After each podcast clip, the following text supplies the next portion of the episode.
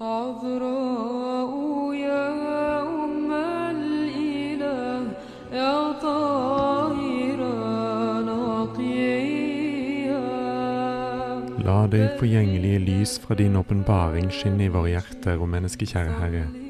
Måtte du opplyse våre sinn når vi leser om dine hellige tjenere. Lær oss ved deres eksempel å leve i lyset, slik at også vi kan leve for deg, vår Herre og velgjøre, for du er god og elsker menneskene. Den 31. desember minnes vi vår ærverdige moder Melania av Roma, som levde ca. fra 383 til 439. Den hellige Melania kalles også den yngre, for å skille henne fra sin hellige farmor, Melania den eldre. Hun ble født rundt år 383 i Roma som datter av senator Valerius Publicola fra den romerske patricierslekten Valeri og hans hustru Albina, som var den kristne datteren av en hedensk prest. Hennes farmor, enke etter konsulen Valerius Maximus, ga henne en dypt kristen oppdragelse, slik at hun lengtet etter å gi hele sitt liv til Gud. Denne lengselen skulle hun bevare livet ut. Bestemoren Melania den eldre hadde vært en av de første kristne kvinnene i det romerske samfunnet som reiste til det hellige landet for å følge i Kristi fotspor, og der levde hun et botsliv mellom årene 372 og 379. Hun forlot Roma for godt i 409 og døde i Jerusalem året etter. Hun hadde en temmelig dominerende personlighet, og hennes forhold til barnebarnet var ikke alltid enkelt. Den yngre Melania vokste opp i Romas mest praktfulle palass og ble uvilkårlig temmelig bortskjemt. Men tidlig merket hun seg den skarpe motsetningen mellom hennes og hennes standsfellers liv og den undertrykte kasten av tjenere og fattige. De ble som dyrene bare verdsatt etter sin arbeidsevne, i motstrid til evangeliet som lærte at alle mennesker er brødre. Da hun på denne måten begynte å ta sin kristne tro på alvor og ville leve et liv i forsakelse, ble faren urolig. For selv om Publicola var kristen, var han ambisiøs på familiens vegne, og det syntes som om han var i konflikt med sin mor, som var dypt påvirket av den asketiske bevegelsen som hadde nådd Roma fra Nord-Afrika og Midtøsten. Hun ga bort det meste av det hun eide, og avla sølibatsløftet.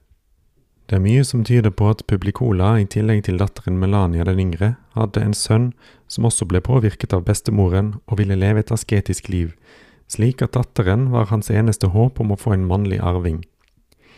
Derfor arrangerte han i år 397 et ambisiøst ekteskap mot hennes vilje med sin rike nevø Pinian, sønn av den nordafrikanske prefekten Valerius Severus. Hun var 14 år og han 17 år gammel, og de var altså fetter og kusine. Så snart bryllupsseremonien var til ende, foreslo Melania for sin unge ektemann at de skulle leve i avholdenhet.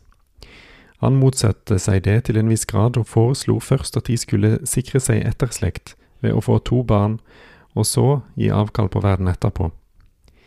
Først ble det født dem en datter, og henne viet de med det samme til Gud.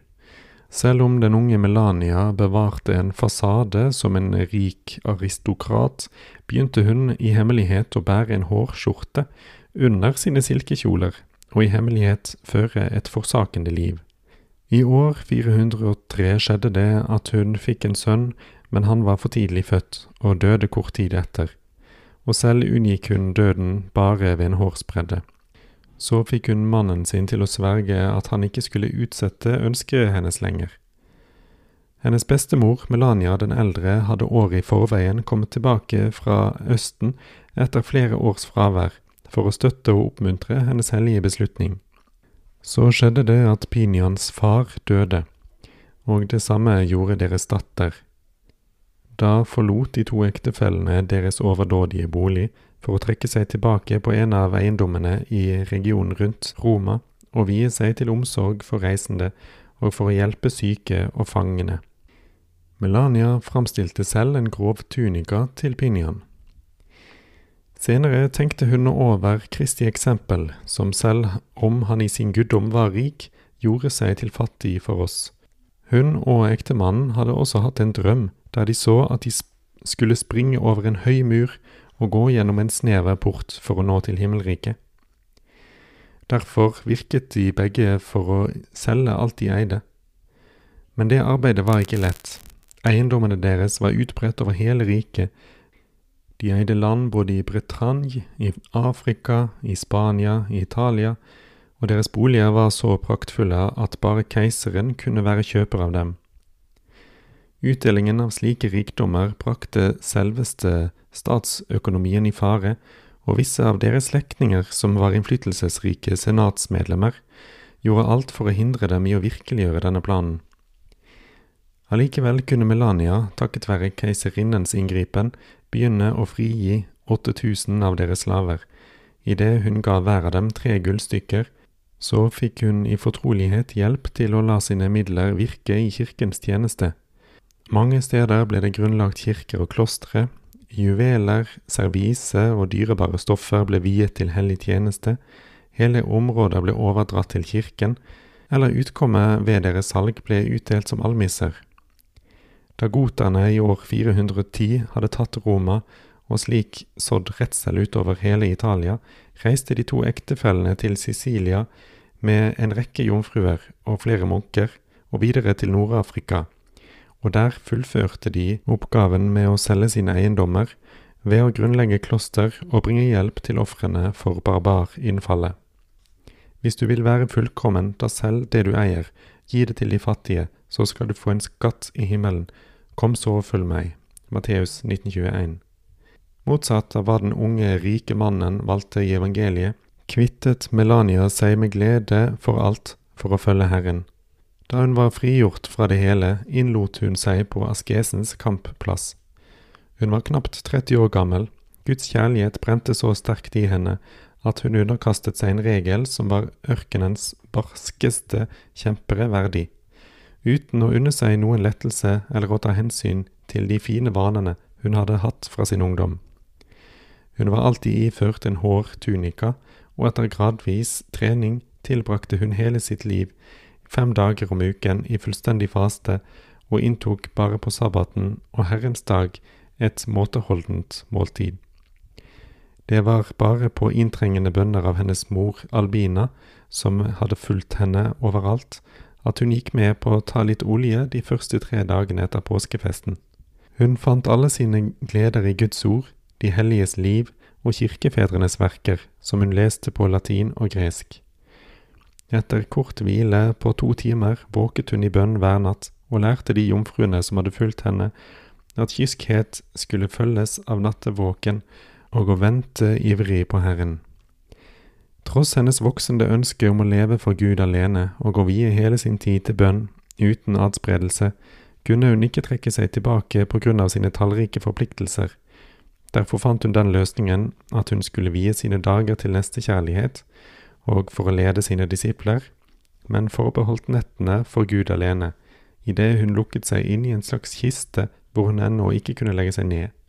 Hun ble angrepet av forfengelighetens demon, eller æresykens, og da svarte hun med hånlig ironi og utviklet en slik saktmodighetsånd overfor alle at forut for sin død kunne hun si at hun aldri hadde latt en tanke om hevn dvele i sitt sinn før hun hadde gått til sengs for kvelden.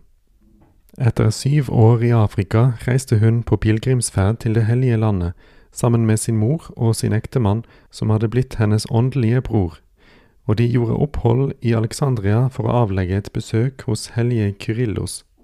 I Jerusalem tilbrakte hun alle sine dager i oppstandelsesbasilikaen, og når man ved solnedgang lukket portene, begav hun seg til Golgata for å tilbringe natten der. Etter en ny reise til Egypt til de hellige eneboerne i Nitritias ørken, slo hun seg ned på Oljeberget i en liten celle som hennes mor hadde latt bygge under hennes fravær. Der bodde hun i 14 år. Hver faste fra teofoni til påske lukket hun seg strengt inne, kledt i en hårskjorte og liggende på aske, og mottok bare sin mor, Pinian, og sin unge kusine Paula, hellige Paulas datter. Denne strenge avsondringen hindret henne likevel ikke i å legge merke til kirkens liv. Hun næret en brennende iver for den ortodokse troen og motsatte seg med kraft Pelagius' tilhengere, som la for stor vekt på menneskets frie vilje, men hun fulgte hellige Heronimus' lære, som hun hadde møtt i Betlehem, og hellige Augustin, som hadde stor betydning for henne og hadde tilegnet henne sitt verk om Kristi nåde og arvesynden i år 418. Ved sin mors død i år 431 kom Melania ut fra sin avsondring og grunnla på Oljeberget et kloster som fulgte Romas liturgiske skikker, og som, takket være Pinians iver, snart ble befolket av en rekke jomfruer. I sin ytterste ydmykhet nektet den hellige å påta seg ledelsen av det, hun utnevnte en annen forstander og nøyde seg med å overlevere dem en åndelig belæring ved både sine ord og sin atferd. Liksom Herren gjorde hun seg til tjenerinne for alle. Hun kom i hemmelighet for å gi de nye søstrene lindring, og påtok seg de mest motbydelige arbeidene. Hun lærte dem å gjøre sin sjel hellig og sitt legeme ved den hellige jomfruelighet, og anbefalte dem uavlatelig å bruke den hellige iveren som anbefales av Herren i Matteus 11,2, til å gi avkall på deres egenvilje og legge grunnen til dydenes åndelige tempel ved lydighet. Idet hun tok eksempler fra fedrenes liv, formanet hun dem til utholdenhet i den åndelige striden, til årvåkenhet imot den ondes snarer, til iver og tankeevnens samling i den nattlige bønnen, og særlig til kjærlighet. Alle dyder og all slags askeser forgjeves uten kjærlighet, sa hun. Djevelen kan lett etterligne alle våre dyder, han overvinnes bare ved ydmykhet og kjærlighet. I år 432 var det hennes åndelige bror Pinian som døde. Hun lot ham begrave sammen med Albina, ikke så langt fra den grotten hvor Kristus hadde forutsagt for sine disipler at Jerusalem skulle ødelegges.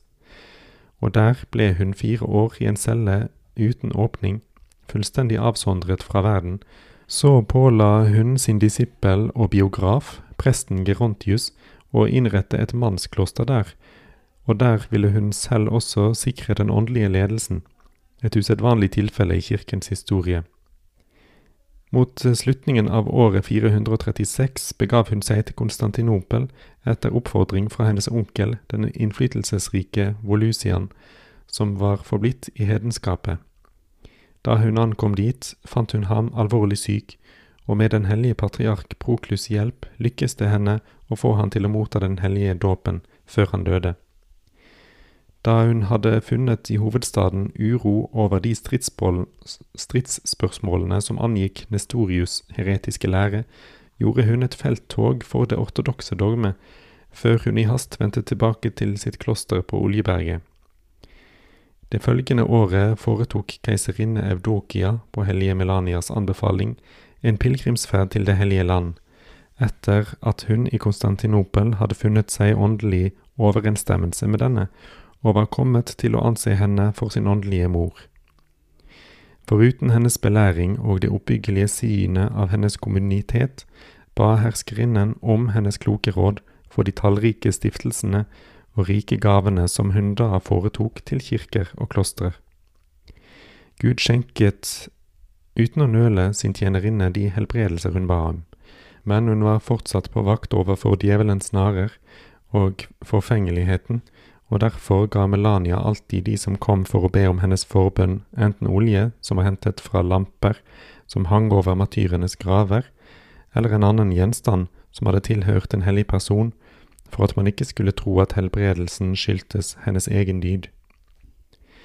Etter å ha ført et slikt liv, bestandig rettet fremad i jakt på den himmelske brudgom, hadde hun ikke lenger noe annet ønske enn å bli løst fra dette livet for å være hos Kristus.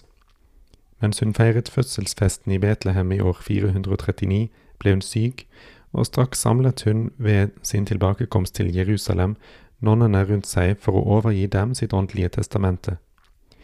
Hun forsikret dem om at hun alltid ville være usynlig til stede iblant dem, forutsatt at de forble tro mot hennes forskrifter, og at de, som de vise jomfruene, gudfryktig holdt deres lamper brennende under forventningen om Herrens komme.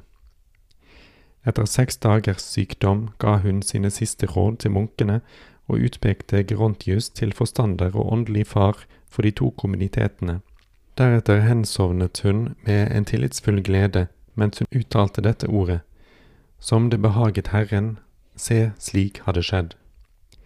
Munker som kom fra klostrene, fra ørkenene og alle ender av Israel, feiret en hellignattsvigilie, og i det øyeblikket de ved daggry begravde henne, dekket de ene og de andre henne med klær, belter og andre gjenstander som de hadde fått som velsignelse av hellige personer. Hellige Melanias kloster ble ødelagt i år 614 under den persiske inntrengningen, men man ærer stadig hennes grotte på Oljeberget. Avro.